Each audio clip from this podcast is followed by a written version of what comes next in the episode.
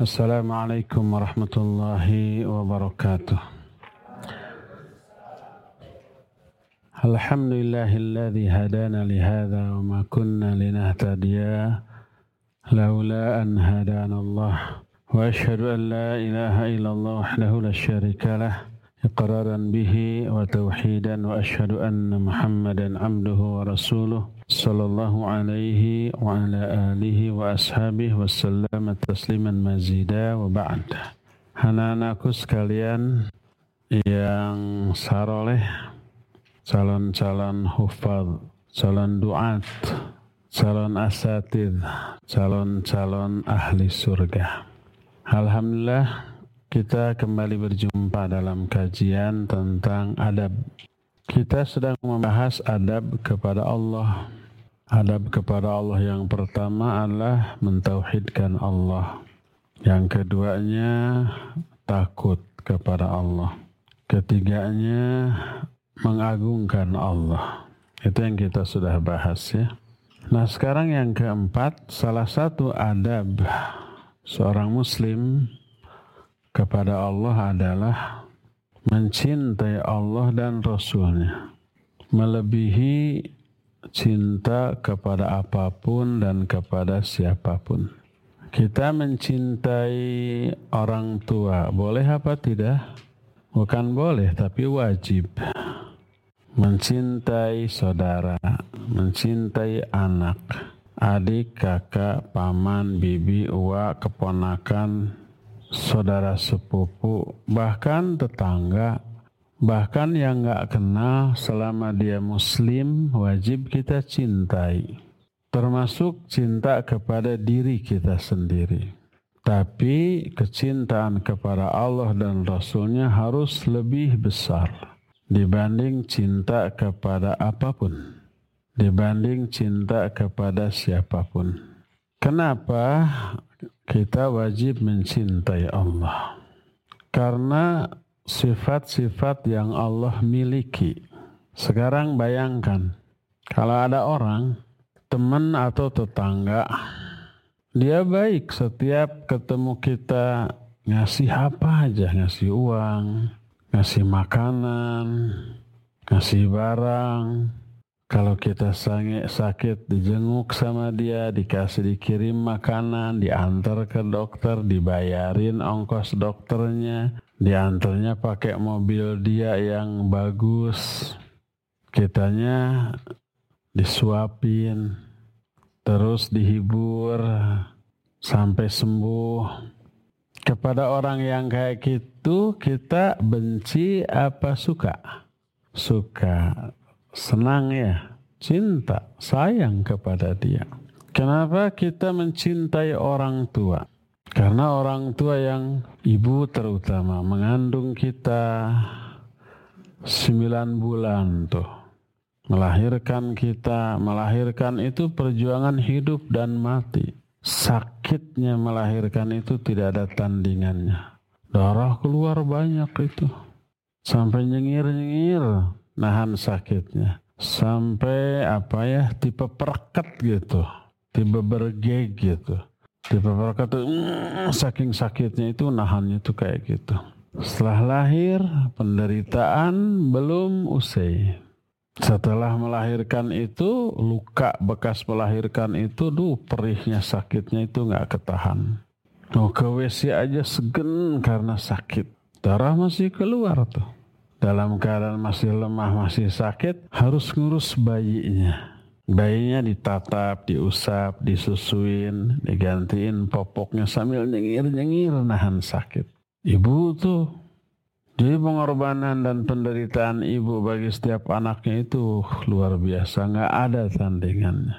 Setelah beres, menyusui terus dididik, diurus, disuapin. Nyuapin anak kecil usia 2 tahun sampai 4 5 tahun itu bisa dua jam loh. Kalian kan punya adik ya?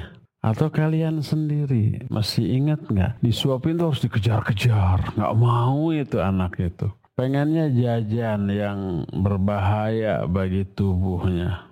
Pengennya makan makanan kue-kue warung yang mengandung zat kimia enak bagi anak kecil tapi berbahaya bagi tubuh. Tapi ibu tuh terus ngejar-ngejar asal masuk makanan bergizi dan enak yang bermanfaat bagi tubuh asal masuk. Walaupun dua jam sambil ngejar-ngejar, ibu teh tetap tabah, tetap sabar, tetap gigih gitu. Kayak gitu tuh.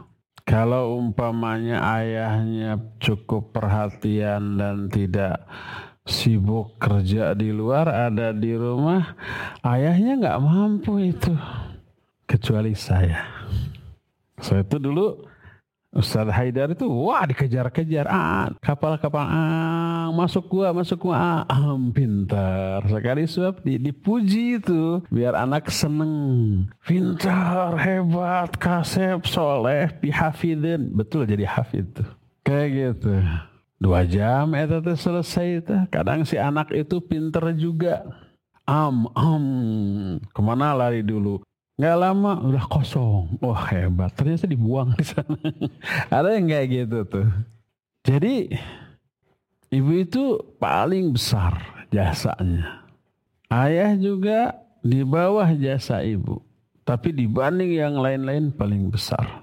Makanya setiap anak sayang ke orang tua. Ya enggak? Karena perhatian ke kita, mengurus kita, mendidik kita, menyayangi kita. Kalau tidur, anak itu kan di mana aja ya, di lantai, lagi main, tek tidur. Di kursi, lagi main, tek tidur. Oleh ayah, oleh ibu dibiarkan sampai subuh di sana? Enggak di pangku. Saya juga masih ingat ketika tidur di, di lantai gitu oleh ayah di pangku. Hmm, enak we, pada ingat. Pura-pura tidur pingin di pangku.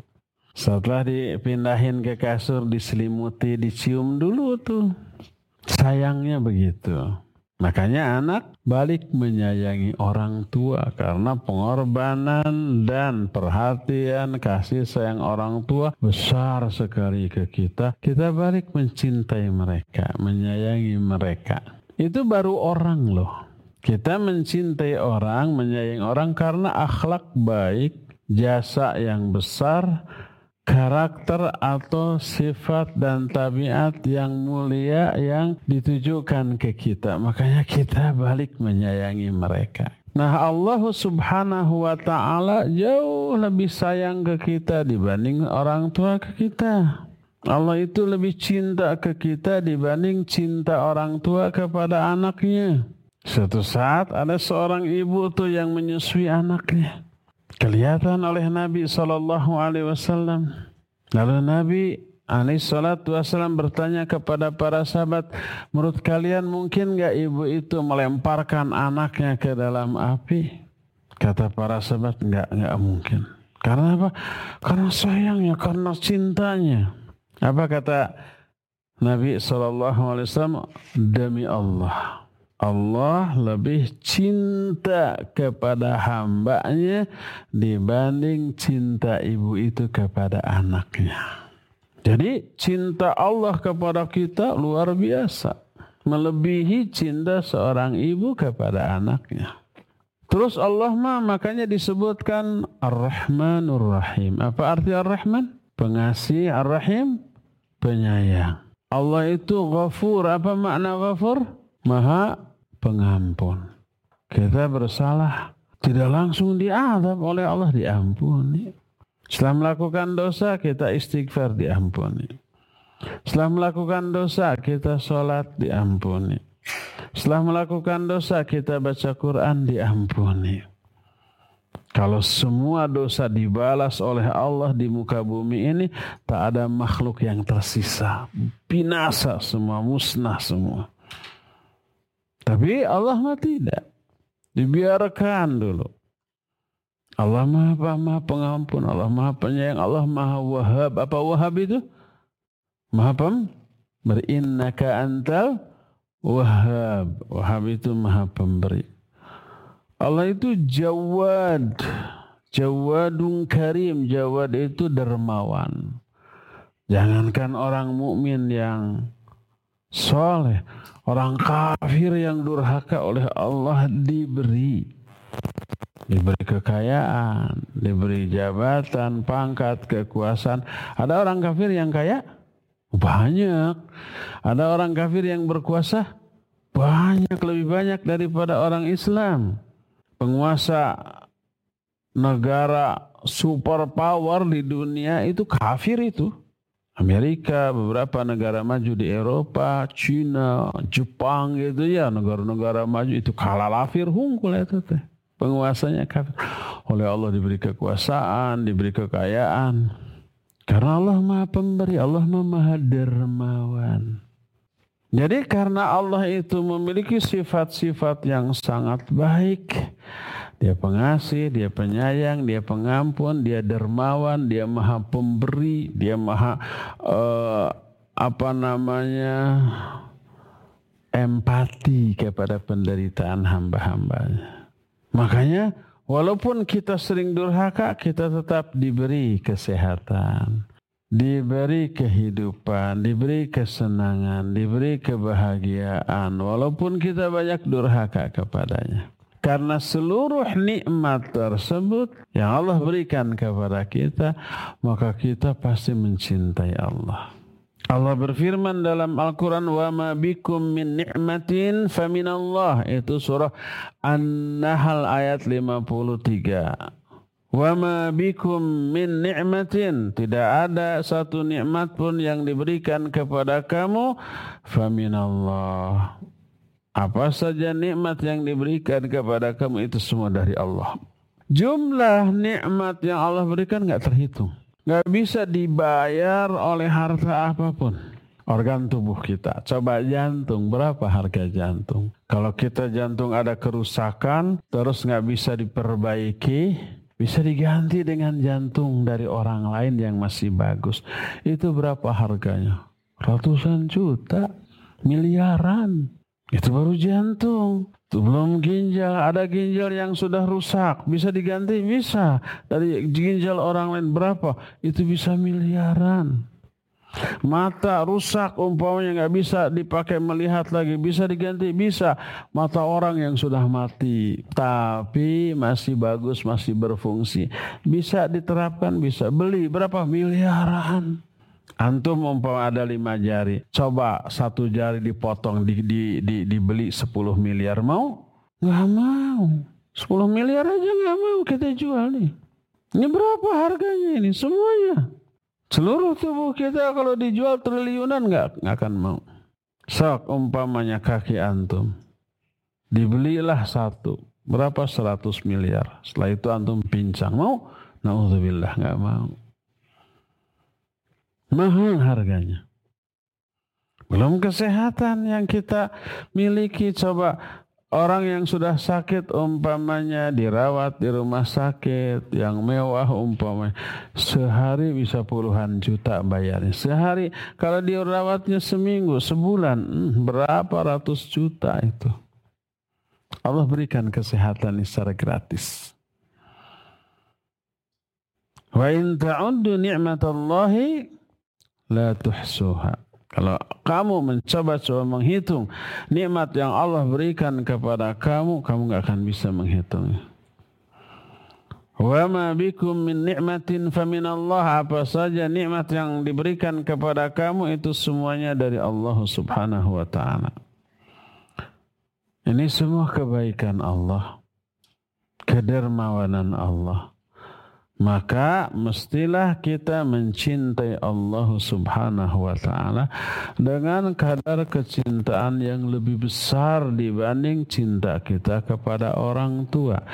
Mana yang lebih besar jasanya? Ibu ataukah Allah kepada kita? Allah kepada kita. Jasa ibu besar nggak ada tandingannya. Tapi dibanding kebaikan Allah kepada kita, jauh lebih banyak kebaikan Allah kepada kita. Makanya cinta kepada Allah itu harus dengan kadar yang terbesar dibanding cinta kepada siapa pun. Allah berfirman walladzina amanu asyaddu hubban lillah. Itu surah Al-Baqarah 165. Walladzina amanu dan orang-orang yang beriman asyaddu hubban lillah paling besar kecintaannya kepada Allah daripada kepada dirinya sendiri. Makanya untuk bisa mengungkapkan rasa cinta kepada Allah, harta dan jiwa kita dikorbankan. Seorang mukmin siap mati kehilangan nyawa, siap kehilangan harta hanya untuk mencintai Allah. Makanya Allah menyatakan Hal adullukum ala tijaratin tunjikum min azabin alim. Mau nggak aku tunjukkan kepada kalian satu perdagangan, satu perniagaan yang bisa menyelamatkan kalian dari azab yang pedih. Tu'minuna billahi wa rasuli wa tujahiduna fi sabilillah bi amwalikum wa anfusikum. Yaitu kamu beriman kepada Allah, kepada Rasul dan jihad dengan harta dan jiwa. Kenapa kita siap mati? di medan perang karena cinta kita kepada Allah. Nyawa dikorbankan, harta dikorbankan. Itu ibarat menjual diri, menjual harta kepada Allah. Allah yang membeli. Dengan apa Allah membeli harta dan jiwa orang-orang mukmin? Dengan apa? Dengan surga. Surah At-Taubah ayat 111 menyatakan innallaha ashtara minal mu'minina amwalahum wa anfusahum wa amwalahum bi anna lahumul jannah Allah membeli harta dan orang jiwa orang-orang mukmin dengan surga. Yuqatiluna fi sabilillah mereka berperang di jalan Allah. Fayaqtuluna wa yuqtalun mereka membunuh atau dibunuh. Tuh Dijual jiwanya, dijual hartanya kepada Allah dengan cara berperang oleh Allah dibeli dengan surga. Itu menunjukkan lebih besar cinta kepada Allah daripada kepada diri sendiri.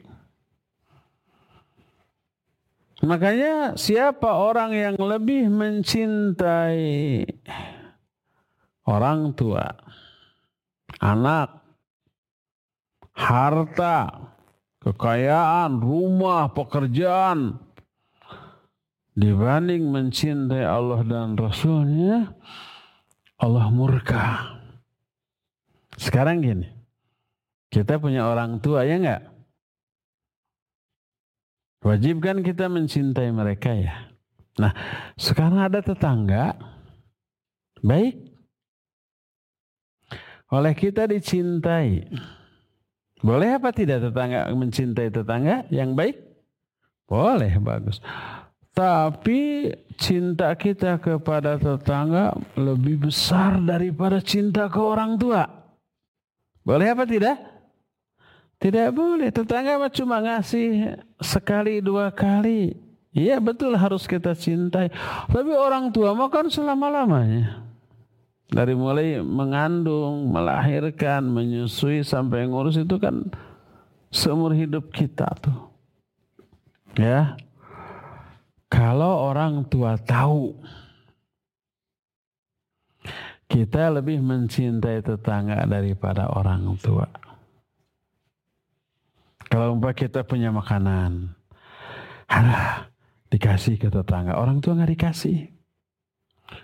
Kita udah kerja gaji, gaji pertama kasih ke tetangga, orang tua nggak dikasih. Orang tua sakit, tetangga sakit, eh malah ngurus tetangga, orang tua dibiarkan. Kira-kira orang tua tersinggung nggak? Iya tersinggung. Marah nggak?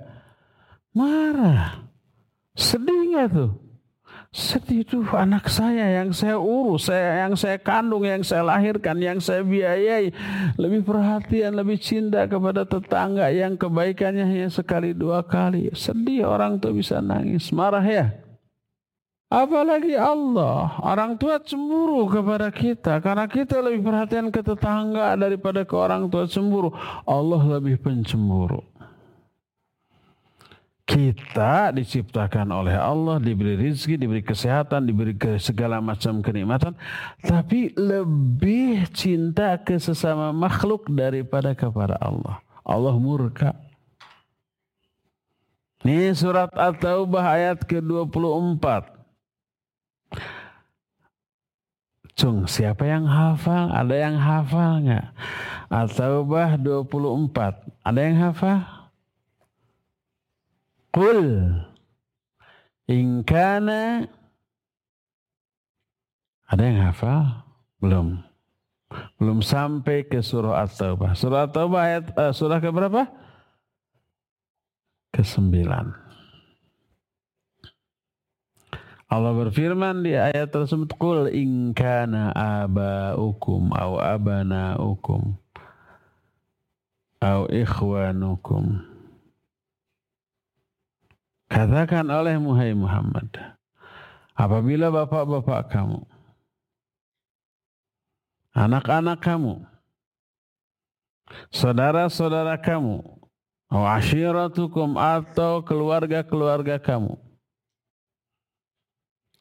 Au amwalun iktaraftumuha atau harta-harta yang kalian bangga-banggakan.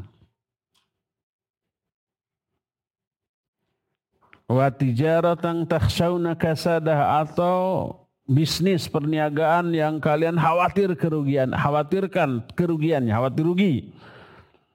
Wa mahsakina tardawnaha atau eh, tempat-tempat uh, tinggal yang kamu kalian suka, yang kalian senangi. Kalau semua itu orang tua, anak, saudara, keluarga, harta, bisnis, tempat tinggal, ahabba ilaikum minallahi wa rasulihi wa jihadin fi sabilillah.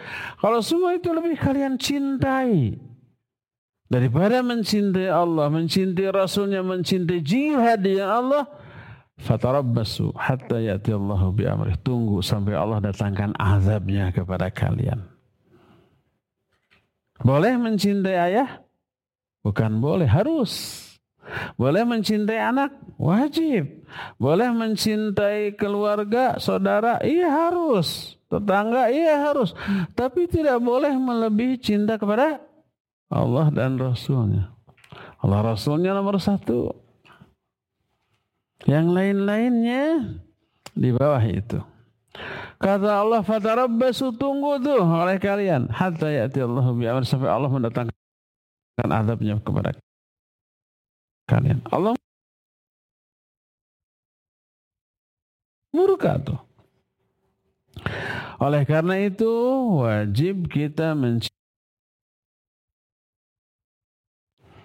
Karena kebaikan Allah itu tidak ada tandingnya kepada kita. Tapi kan Allah suka mengadab. Eh orang tua juga suka menghukum nggak? Kalau kita nakal-nakal banget, orang tua suka marah? Sering ya? Sering, karena kita hanya nakal. Bukan karena orang tua anak tupu puguh marah, nggak mungkin. Kadang orang tua suka mukul, suka ngejembel, mungkin. Karena kitanya nakal, tapi sayang. Umpamanya umi, emak, mama di rumah suka mukul. Cepret, ada tetangga yang gede. Bu, tenaga ibu mah kecil, biar saya pukulkan ya. Dikasih nggak sama ibu? Enggak, ada beda pukulannya. Ibu memukul dia bukan untuk menyakiti, sekadar memberi hukuman agar cerah. Karena kasih sayang. Kalau orang lain memukulnya sesangkang atau ya bukan karena kasih sayang. Jadi orang itu aja suka marah kalau kitanya nakal. Kalau Allah melihat kitanya juga lalai, durhaka, ya suka menghukumnya. Besuk hukumnya hukuman kasih sayang. Biar kita nggak kebablasan. Biar kita jerak Biar kita tidak terus-terus melakukan kesalahan. Jadi wajib kita mencintai Allah dan itu adalah adab kita kepada Allah mencintainya. Kedua, mencintai Rasulnya. Karena Rasul Shallallahu Alaihi Wasallam manusia terbaik kepada orang lain. Orang tua, ibu dan ayah baik kepada kita. Tapi jasa ibu dan ayah tidak bisa mengalahkan jasa Nabi Muhammad SAW kepada kita. Ayah dan ibu sering kali kata orang Sunda ya. Namanya Nyah Dulang. Kalian nggak tahu ya Nyah Dulang? Jangankan kalian orang tua juga banyak yang nggak tahu Nyah Dulang. Nyah Dulang itu sayang kepada anak, tapi hanya memperhatikan kepentingan anak yang sifatnya duniawi. Nyah Dulang itu apa pun yang diinginkan oleh anak dikasih walaupun nggak bagus. Anak ingin main game dikasih biar seneng, biar suka. Padahal main game itu buruk apa jelek bagi si anak? Buruk dan jelek. Ya semalaman gini terus tuh sambil matanya merah melotot ngantuk juga ditahan ya. Itu buruk dan jelek. Kalau orang tua yang sayang ke anak akan dikasih, mending anak nangis. Kalau nangis nggak berbahaya, nangis mah obat. Tapi kalau dikasih ketawa, senyum, seneng, tapi membahayakan mentalnya, fisiknya bisa sakit ya. Ada kan anak yang karena keranjingan uh, apa namanya game sampai tidak tidur, tidak makan sampai tiga hari, sampai otaknya kelelahan kemudian mati. Ada banyak. Ada yang wenggiu sampai umpah diambil oleh orang tua marah ngamuk kayak kesurupan oh kejang-kejang begitu. Itu bahaya, bahaya banget. Demi kesenangan anak oleh orang tua dikasih. Nyah dulang namanya.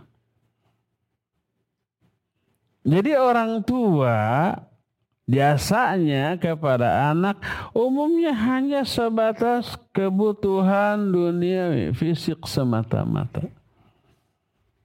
Tapi kalau jasa Nabi Muhammad sallallahu alaihi wasallam membimbing semua orang menuju kepada kebahagiaan abadi di akhirat.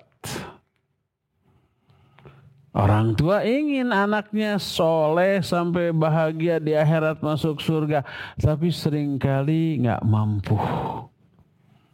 Ngajar ngaji malas. Ngajar umpamanya kebaikan malas tersibukkan oleh urusan yang lainnya. Kan gitu umumnya. Nah Nabi Muhammad SAW manusia yang paling baik kepada orang lain.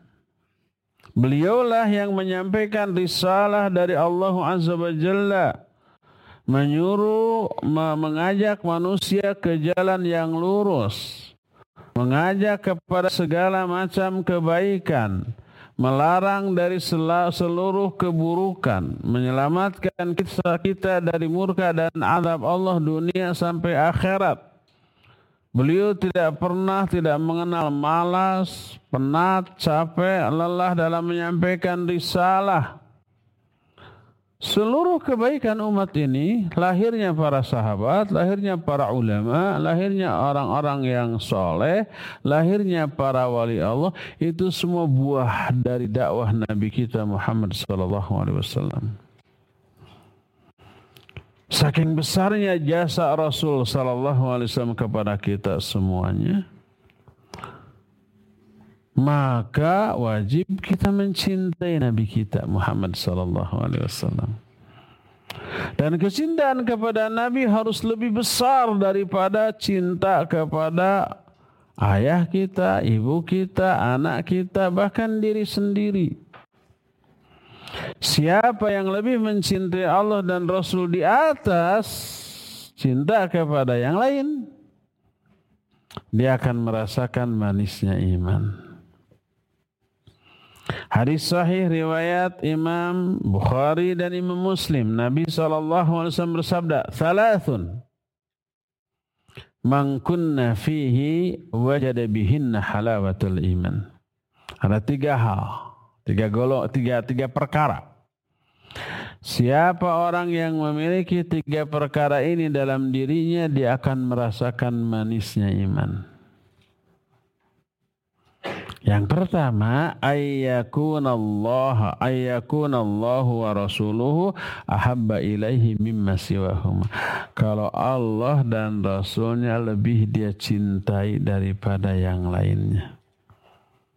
Jadi siapa yang mencintai Allah dan Rasulnya melebihi cinta kepada yang lainnya, maka dia akan merasakan manisnya iman. Kalau belum mencintai Allah dan Rasulnya di atas yang lainnya, maka orang itu di, tidak dianggap beriman. Cinta kita kepada harta, lebih besar daripada cinta kepada Allah dan Rasulnya. Pas Allah dan Rasulnya nyuruh infak dan sodakoh, ah lebih sayang ke harta. Ngap, ngapain di, di, diinfakkan, disodakohkan. Orang itu nggak beriman. Kita umpah lebih menurut orang tua daripada Allah dan Rasulnya pas orang tua menyuruh berbuat buruk seperti ke anak perempuannya. Kamu cantik tuh, seksi, jangan ditutup, buka jilbabmu tuh. Harus taat ke orang tua. Lalu si anaknya lebih mencintai ayah dan ibunya. Akhirnya dibuka jilbabnya. Menampakkan auratnya ke mana-mana. Perempuan itu nggak beriman. Karena lebih mencintai orang tua daripada siapa? Allah dan Rasulnya. Tidak beriman tuh. Kata Nabi SAW dalam hadis sahih riwayat Bukhari dan Muslim dari Anas, beliau bersabda, "La yu'minu ahadukum hatta akuna ahabba ilaihi min walidihi wa nasi ajmain." Tidaklah beriman salah seorang di antara kalian sebelum menjadikan aku aku itu Nabi Muhammad SAW. Tidak beriman salah seorang di antara kalian sebelum menjadikan aku lebih dia cintai daripada bapaknya, anaknya ataupun manusia seluruhnya. Umar bin Khattab pernah berkata, Wallahi ya Rasulullah, anta ahabu illayya min kulli ahadin illa min nafsi. Demi Allah, wahai Rasulullah, engkau lebih aku cintai daripada setiap orang. Kecuali diriku sendiri. Aku lebih cinta diriku daripada kepada engkau. Maka berkata Nabi sallallahu alaihi wasallam, "La yu'minu ahadukum hatta akuna habba ilaihi hatta min nafsihi." Tidaklah salah seorang di antara kalian beriman sebelum menjadikan aku lebih dia cintai walaupun dari dirinya sendiri. Enggak boleh lebih mencintai diri daripada Nabi sallallahu alaihi wasallam. Maka berkata Umar, "Anta ya Rasulullah ahabu ilayya hatta min nafsi." Kalau begitu engkau ya Rasulullah lebih aku cintai daripada diriku sendiri. Kata Nabi, Al-an ya Umar. Sekarang ya Umar. Naam al Ya sekarang sejak detik ini. Saya lebih mencintai engkau daripada mencintai diri sendiri. Ini menunjukkan bahwa cinta kepada Allah dan cinta kepada Rasulnya bagian dari iman. Makanya harus menjadi adab dan akhlak kita ber, mencintai Allah, mencintai Rasulnya melebihi cinta kita kepada yang lain-lain. Nah dari cinta kepada Allah dan cinta kepada Rasulnya ini akan lahir beberapa buah yang bagus. Beberapa hasil yang luar biasa istimewanya. Apa sajakah? Pertama,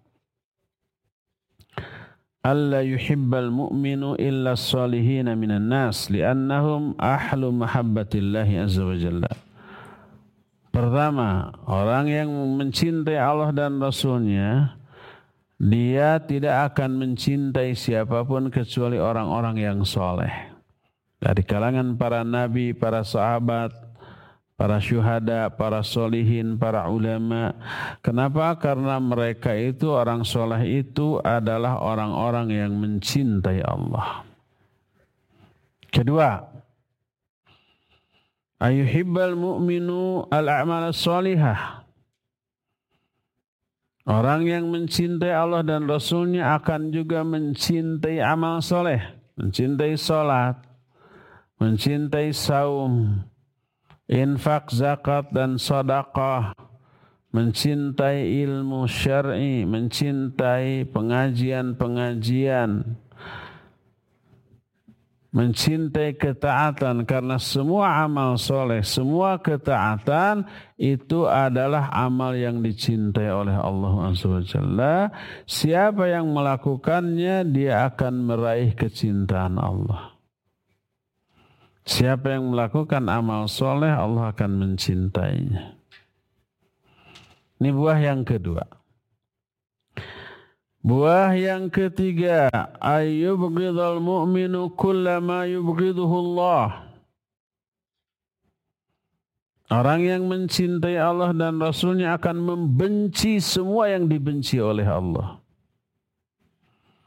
Orang-orang kafir, orang-orang munafik, ahli bid'ah, ahli maksiat, termasuk amal-amal yang mereka lakukan, kekufuran, kemunafikan, kebid'ahan, kemaksiatan. Karena Allah membenci semuanya itu. Membenci para pelakunya.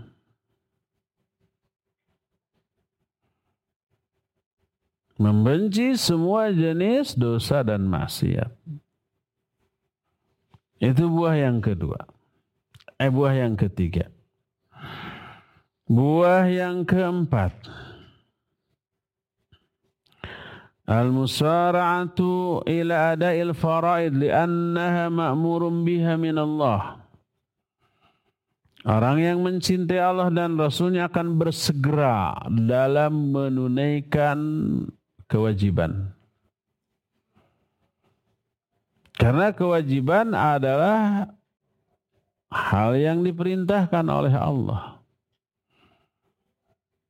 Kalau kita mencintai Allah pasti juga akan bersegera melaksanakan perintahnya. Tidak akan berleha-leha, tidak akan ditunda-tunda. Kata orang Sunda, mual lengle, mual talangke, mual hararese, mual kaleken.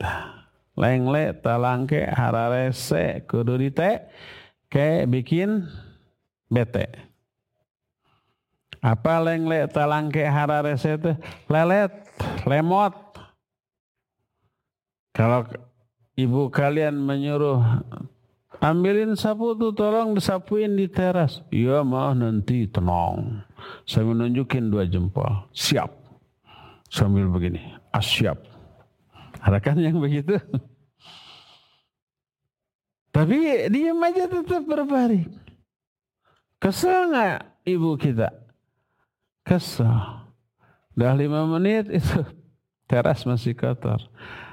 Nah itu cepat dibersihin dulu. Nanti keburu ada tamu. Tenang mah, siap laksanakan. 86. Tapi tidak juga, uh, bikin kesal. Allah Azza wa Jalla lebih kesal lagi. Kalau perintahnya diabaikan,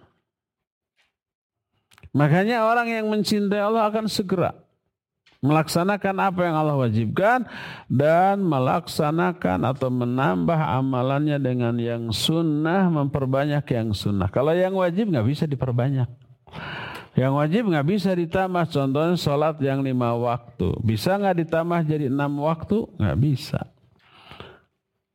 Berapa rakaat sholat yang wajib sehari semalam? 17. Ah, dah saya mah cinta kepada Allah tambah aja jadi 20. Bisa? Nggak bisa, nggak boleh. Jadi bid'ah. Tapi yang sunnah bisa diperbanyak. Karena semuanya itu bisa menyebabkan Allah mencintai pelakunya. Mencintai kita. Siapa yang memperbanyak amalan sunat setelah amalan fardu Allah akan mencintainya.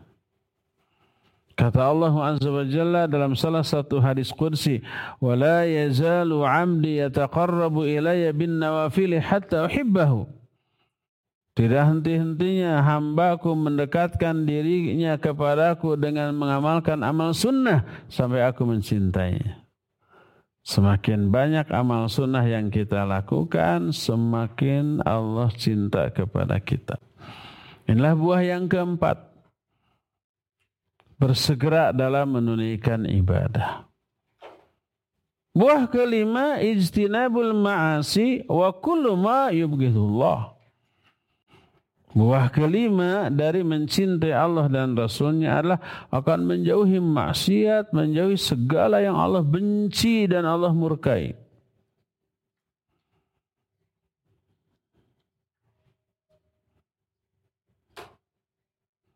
Itu yang kelima. Buah keenam. Al-hirthu ala ittiba'in nabi ولزوم سنته وعدم هجرها لأن ذلك برهان على الصدق محبة الله ومحبة رسوله صلى الله عليه وسلم ومعين على تحصيله Keenam, orang yang cinta kepada Allah dan Rasulnya akan bersungguh-sungguh dan semangat dalam mengikuti sunnah Rasul tidak meninggalkannya, tidak mengabaikannya, sekecil apa pun sunnah Rasul tersebut.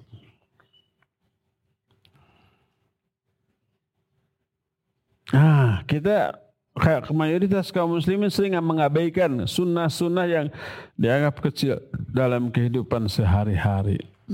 Di antaranya nih, kalau mau pakai pakaian baik baju, celana, sepatu, kaos kaki, sendal. Pakai yang bagian mana dulu? Kanan dulu. Kalau melepasnya, kiri dulu. Itu sunnah loh. Dan dapat pahala. Ada doa. Ketika pakai baju ada doa? Ada. Kanan dulu, baru kiri. Celana juga begitu. Sepatu, sendal, kaos kaki juga begitu. Itu sunnah Rasul. Jangan abaikan. Makan, minum. Pakai tangan mana? Kanan, jangan kiri. Yang kiri sunnah enggak? Sunnah. Tapi sunnah syaitaniyah. Sunnah syaitan. Kalau yang kanan sunnah siapa? Sunnah Nabi Sallallahu Alaihi Wasallam. Mana yang kita amalkan? Sunnah Nabi atau sunnah syaitan?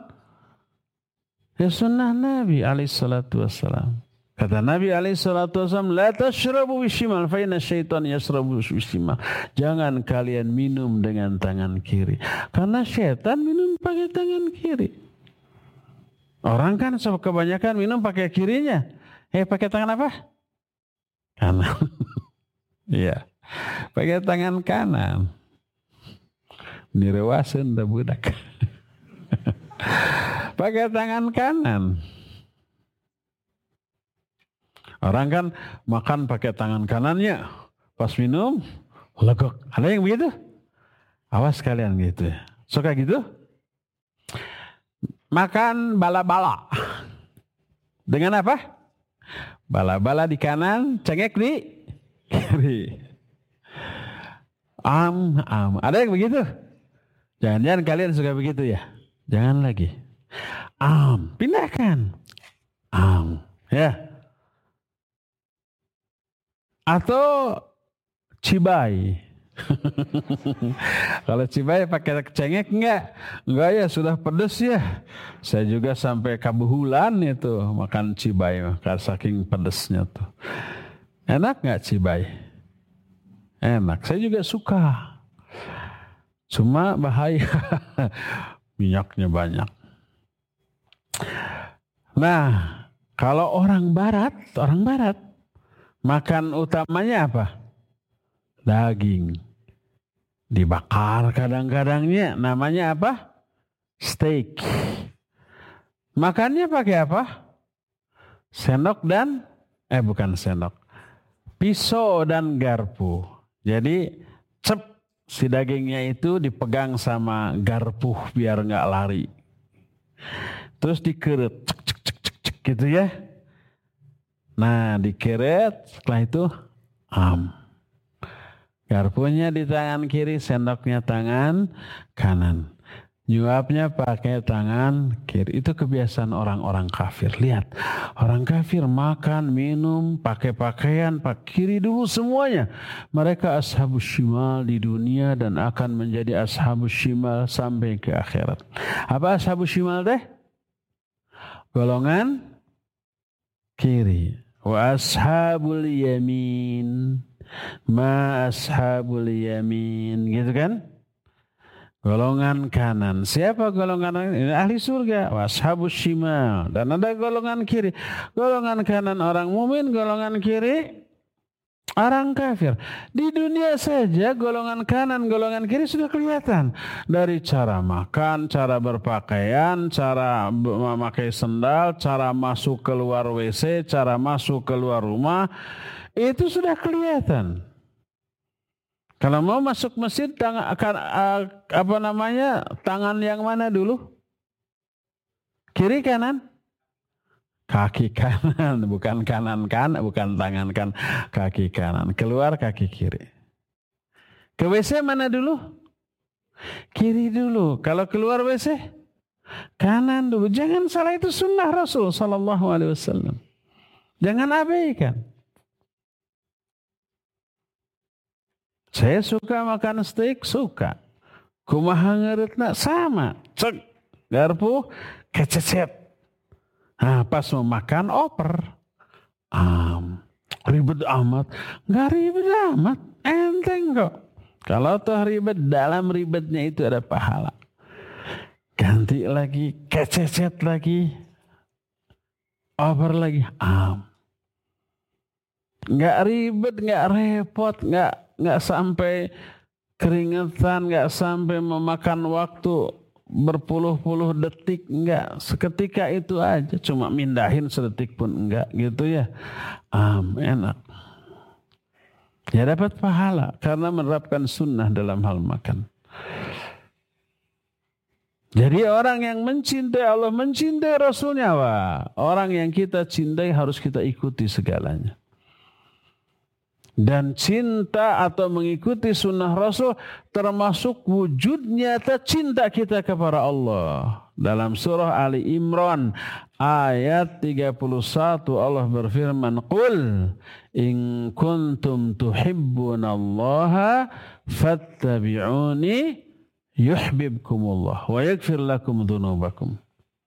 Katakan oleh Muhammad, kalau kamu cinta kepada Allah, ikuti aku. Ikuti Rasul Sallallahu Alaihi Wasallam. Allah akan mencintai kalian dan akan mengampuni dosa kalian. Jadi orang yang mengikuti sunnah Rasul dicintai oleh Allah dan diampuni dosanya loh.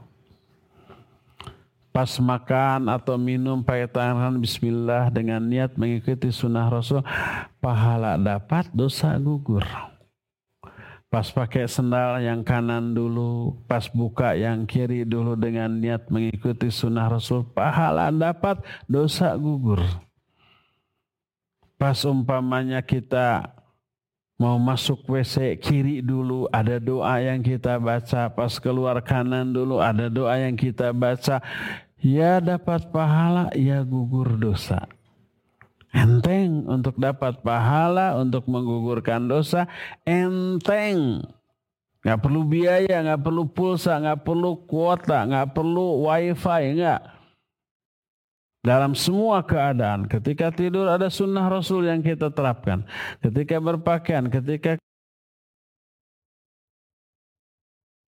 ke WC, ketika berkendaraan, ketika ke pasar, ketika masuk masuk keluar rumah, ketika masuk keluar masjid, semuanya ada sunnah Rasul yang kita akan bisa terapkan, semuanya jadi pahala dan jadi penggugur dosa. Ya, inilah beberapa penjelasan tentang cinta kepada Allah dan Rasulnya serta buah yang baik yang lahir dari hal tersebut. Cukup ya sampai sini dan kita masuki sesi tanya jawab. Wassalamualaikum Muhammadin wa ala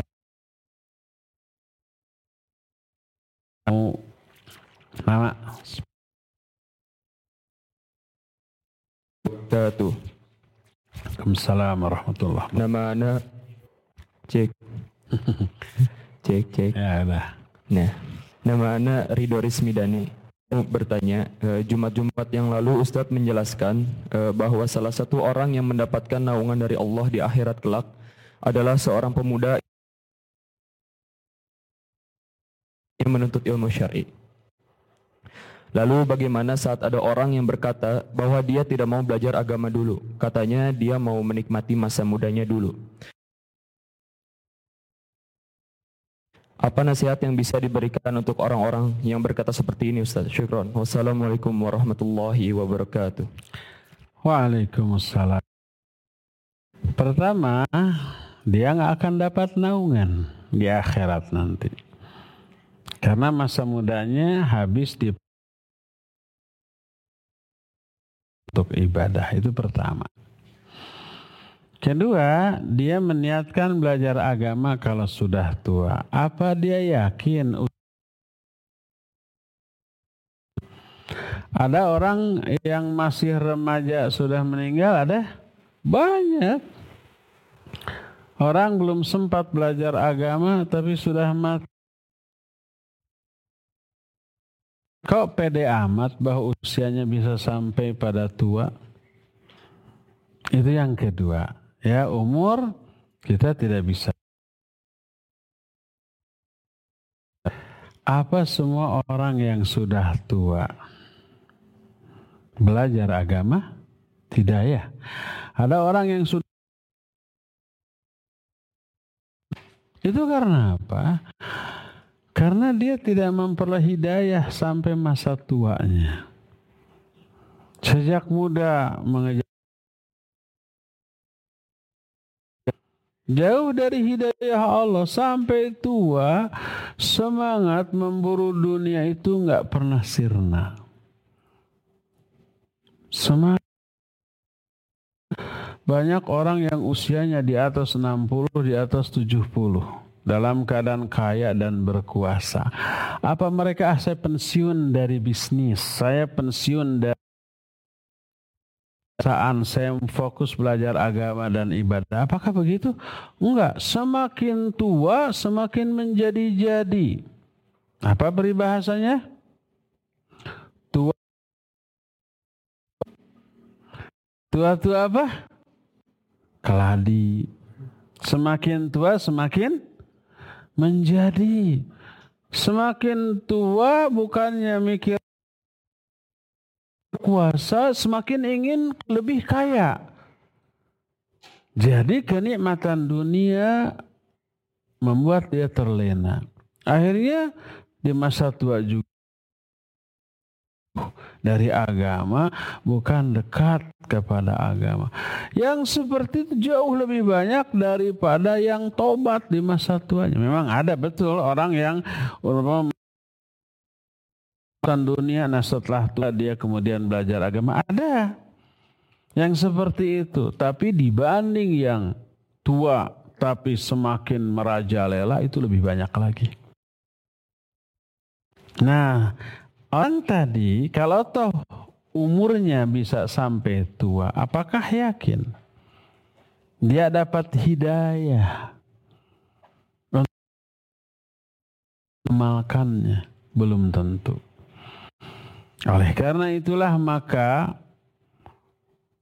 karena tiga alasan tadi minimal, alasan lainnya masih banyak yang menghabiskan masa mudanya untuk hura-hura nggak akan dapat naungan di akhirat.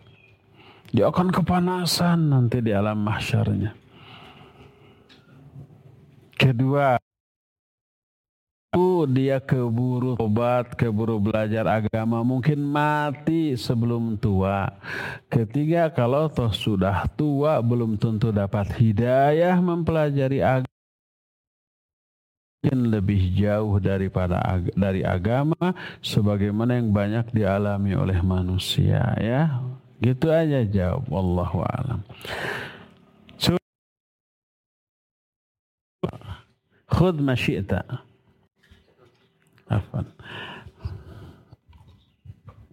Assalamualaikum warahmatullahi wabarakatuh. Waalaikumsalam. Abdi. Nama Abdi, Abdi. Dari? Dari Cipatik. Cipatik, ah tetangga. Terus. Hukum membaca sadaqallahul azim ketika selesai membaca Al-Quran. Setelah selesai membaca Al-Quran, membaca Sadaqallahul Azim. Sadaqallahul Azim. Maha benar Allah yang Maha Agung. Sadaqallahul Azim. Artinya bagus apa tidak? Bagus.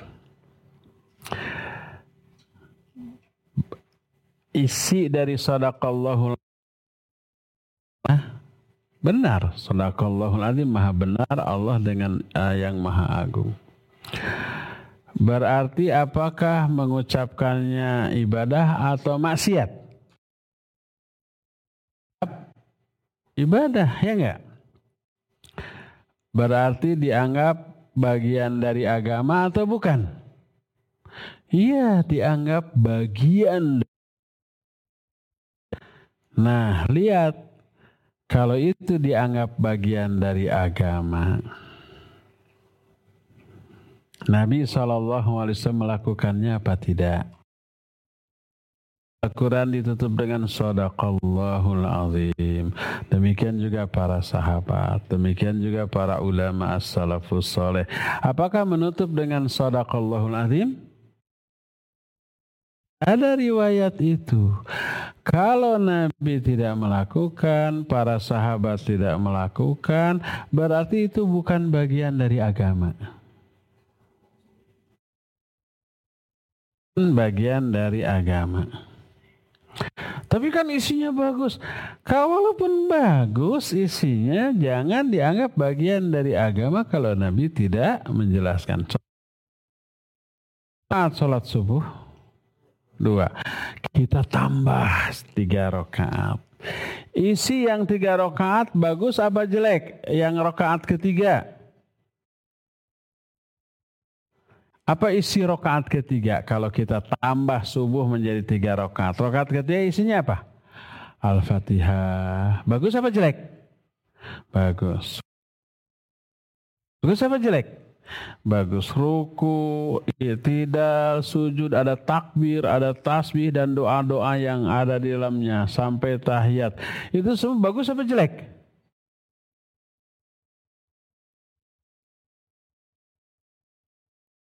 Rokat? Gak boleh. Kenapa? Karena ini perkara agama harus ada perintah atau contoh itu dianggap perkara agama, maka wajib ada contoh. Kalau nggak ada contoh itu yang disebut bid'ah tadi. Sekarang artinya, artinya bagus. Bagian dari agama bukan dianggapnya oleh orang yang melakukannya. Iya bagian dari agama. Lihat, Nabi mencontohkan? Tidak. Para sahabat Berdasarkan hal itulah maka agama dibangun berdasarkan wahyu bukan berdasarkan ra'yu. Menurut ra'yu ini sadaqallahul azim. Bahkan saja. Nanti ditambah sadaqallahul azim wa rasuluhul karim. Wah, itu isinya bagus. Maha benar Allah yang maha agung dan maha benar juga Rasul, Rasul Karim. Bagus. Tapi kalau itu ditambahkan dan dianggap bagian dari agama, berarti menambah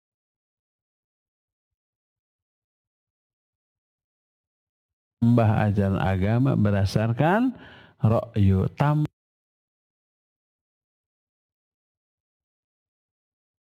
aturan manusia, aturan agama, aturan negara kita tambah-tambah. Boleh? Tidak boleh umpama ya umpama. Tanpa izin tuh ke umpamanya dalam aturan berlalu lintas. Negara atas nama negara nih, pihak kepolisian, polisi ya coret apa artinya? Dilarang parkir. Ada S dicoret apa? Dilarang stop. Ada U-turn dicoret, nggak boleh balik arah gitu ya.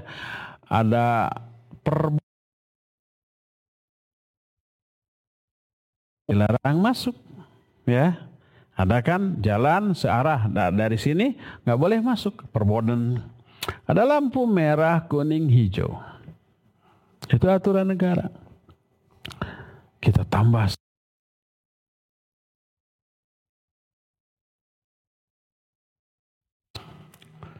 langsung we naik kita teh. Tambah satu biru lampu. Boleh apa tidak? Tidak boleh. Bisa tanggal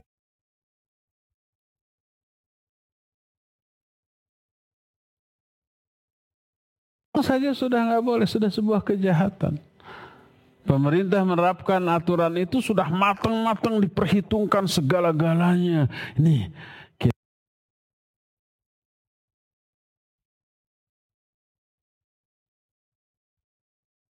kita biru. Apa artinya biru? Nanti kita pikirkan umpamanya. Kan bagus nambah-nambah.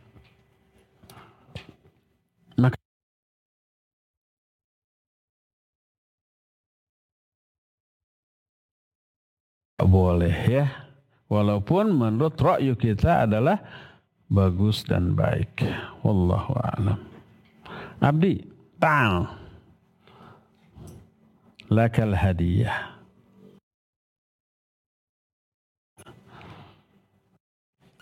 Afan. Apa arti khud ma syi'ta? Apa artinya? Rida? Khud apa khud? Ambil masyita. Kita tinggalkan apa yang kamu mau. Ya. Siapa lagi? Siapa namanya?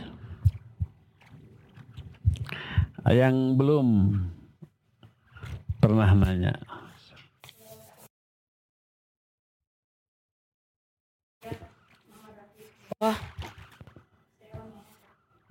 Siapa dipanggilnya? Habib. Masya Allah kita ada Habib. Ya Habibi. Fadal ya Habibi.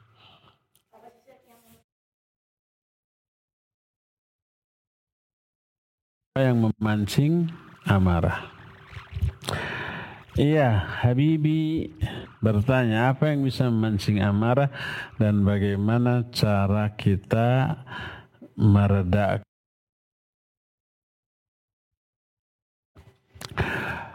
Biasanya yang membuat orang marah adalah sesuatu yang membuat dia marah. Apa? Beda-beda orang tuh. Ya marah ada. Seperti saya kalau dihina, dicaci pribadi saya, saya nggak akan marah. Senyum aja. Karena nggak ada ruginya. Yang ada untung. Untungnya apa? Dosa berkubul.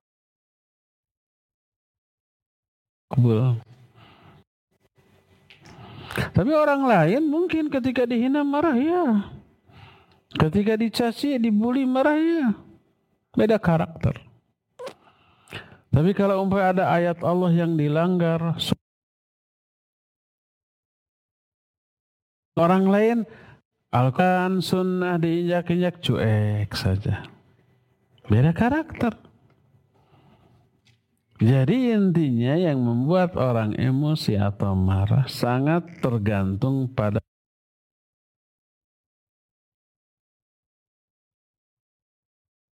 makan, diambil makanannya. Marah.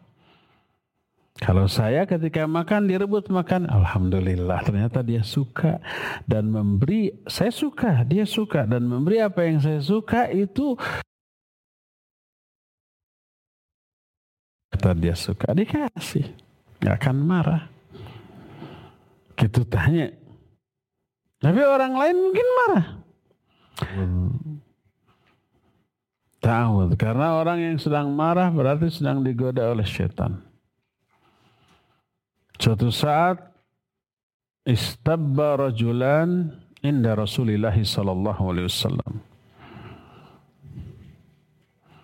Ada dua orang di hadapan Rasul SAW bertengkar, saling mencela. Sampai salah satu di antaranya mukanya memerah saking marahnya. Kalau di sana sampai sekarang ya, di zaman Nabi SAW sampai sekarang, Orang semarah apa pun nggak akan berani mukul. Mukul di penjara. Sebenarnya di Indonesia juga begitu. Yang mukul bisa di penjara loh. Hanya proses hukumnya tegas apa tidak itu saja. Kalau di sana tegas. Mukul di penjara. Makanya mereka itu kalau bertengkar Oh, Pak Bajak banyak ngomong sampai dari jauh, misalnya mendekat sampai bibir sama bibir hampir ketemu, gitu. Paling hebat menyemegang baju di gini-gini. Paling sobek baju bisa diganti. Tapi kalau melukai, memukul sampai ada bekas di penjara. Ya berani. Nah di hadapan Rasul selalu sama ada dua orang saling bertengkar, saling mencela sampai salah satu mukanya merah. Apa kata Nabi alaihi salatu wasalam? Inni la'alamu kalimatan law qalaha la dhahaba ma yajid. Aku mengetahui satu kalimat yang bila kalimat ini dikatakan oleh orang yang marah itu pasti hilanglah kemarahan yang sedang dialaminya. Lau qala a'udzu billahi minasyaitonir rajim. Seandainya dia mengatakan a'udzu billahi minasyaitonir rajim. Suruh dia ta'awud. Orang sekarang kebanyakan bukan nyuruh ta'awud tapi nyuruh apa? Istighfar. Eh, istighfar, istighfar, istighfar. Istighfar, istighfar. Astagfirullah. Salah. Harusnya apa? Ta'awud, ta'awud. A'udhu billahi minasyaitanir rajim. Itu pertama. Kedua, kalau disuruh ta'awud tidak tidak menurut atau menurut tapi tetap eh tahu iya Allah bilang minasyaitonir sambil marah juga gitu. Tapi saya marah tetap tahu. Allah bilang minasyaitonir sambil teriak sambil bentak. Ya, ini saya juga tahu. Allah bilang minasyaitonir sambil tetap marah. Redakan dengan cara apa? Kalau dia sedang berdiri, suruh duduk. Suruh duduk. Kalau duduk masih suruh berbaring. Sambil ta'awud, tetap ta'awud. Sambil dihayati ta'awudnya. Sebab kalau dia masih berdiri, walaupun ta'awud, tidak reda, dalam posisi berdiri sangat riskan untuk dibiarkan karena dalam keadaan berdiri menyerang orang yang dimarahinya itu lebih cepat dan lebih fatal. Tapi kalau sambil duduk mau menyerang pun ada proses berdiri dulu. Kalau berbaring ada proses bangun dulu, jadi bisa kita cegah, bisa kita lerai. Tapi kalau sambil berdiri tinggal menyerang orang yang dimarahinya bisa berbahaya. Jadi pertama tak suruh ta'awud, kedua suruh duduk atau suruh berbaring, ketiga jauhkan dari penyebab dia emosi. Kalau penyebab dia emosi ada orang yang dia marahi di sana, suruh orang itu pergi atau suruh yang marah ini menjauh. Itu yang ketiga, ya. Jauhkan dari penyebab dia emosi. Keempat, alihkan pembicaraan dan perhatian orang itu kepada masalah yang lain. Ketika marah suruh tahu sudah udah, udah emang orang itu nyebelin jangan jangan dilayani sudah. Gimana sekarang kabar anakmu? Saya dengar kemarin anakmu itu sakit. Sudah diobati belum? Sudah bawa ke dokter yuk. Kalau belum saya ingin nengok yuk. Nah, dialihkan pembicaraan kepada yang lain. yang kira-kira bisa menghibur dia. Saya dengar kamu kemarin dapat promosi jabatan ya, selamat ya gitu. Saya ikut senang di bawah kepemimpinanmu ya. Perusahaan insya Allah lebih maju, lebih sejahtera. Dipuji. Itulah beberapa cara ya. Wallahu alam bisawab. Habibi, ta'al. Khud ma syi'ta. Afan. Assalamualaikum warahmatullahi Waalaikumsalam warahmatullahi wabarakatuh. Nama saya Abdi. Apakah kita boleh mengadakan saweran kepada orang banyak? Mengadakan Saweran saweran kepada orang banyak. orang banyak. Saweran pakai uang. Lempar, hu gitu. Baik, barakallahu fiik. Boleh nggak kita nyawer? Maksudnya nggak ada sebab ya. Nggak ada umpamanya eh, ritual atau acara apa pun. Ini kita banyak uang. Banyak uang. Kita umumkan dulu di media sosial. Saya akan nyawer uang kumpul di anu gitu ya. Hari anu jam sekian, hari Ahad jam 10. Oh tuh, sebelum hari Ahad, eh, sebelum jam 10 juga itu tempat sudah penuh ya enggak? Pas ke sana kita awurkan. Apa yang terjadi? Orang berebut, berdesak-desakan. Mungkin ada yang celaka? Mungkin. Yang disawerkannya 100 ribuan. 10 juta, wrrr, umpamanya. Orang bisa saling injak, saling sikut, saling dorong. Ada yang keinjak, kesikut, kedorong, ada yang berantem. Maka pertamanya wer adalah memberi. Dan hukum asal memberi bagus. Kedua cara, kalau cara memberi menimbulkan madarat maka tidak boleh. Sebab daf'ul mafasid muqaddamun ala jalbil masalih. Menolak madarat harus lebih didahulukan daripada meraih manfaat. Umpamanya memberi itu ada manfaat, tapi cara memberinya dengan cara di, me, uh, di, di, dilempar saweran melahirkan madarat. Apa madaratnya? Tadi orang bisa celaka. Orang bisa berantem maka nggak boleh. Hukum memberi sunnah, hukum menghindarkan madarat wajib. Yang sunnah tidak boleh mendahului yang wajib. Kalau mau memberi, kalau mau memberi nih, pertama caranya yang bagus. Kedua, sasarannya harus tepat memberi kepada yang yang perlu pada fakir miskin. Kalau disawer, apakah yakin nggak bahwa yang berebut itu yang miskin semua? Enggak, yang yang banyak uang juga mau ya enggak? Kalau umpamanya saya ada uang nih, tapi ada yang ngasih ke saya 200 ribu. Saya terima nggak? Ya terimalah. Sok, siapa yang mau ngasih ke saya? Saya terima, gitu ya. Padahal saya tidak butuh. Nah dengan cara disawer belum tentu orang fakir, orang miskin yang dapat. Tapi mungkin yang kuat, yang jangkung gitu ya. Yang tenaganya gede, didorong sana, dorong sini, mau ngambil, dorong, brek, ah, dia ambilin. Apalagi yang preman, siapa sok yang berani ngambil, saya hajar. Sok, sok, sok. Akhirnya nggak ada yang berani ngambil. Nah, dia ambil semua. Itu madarat.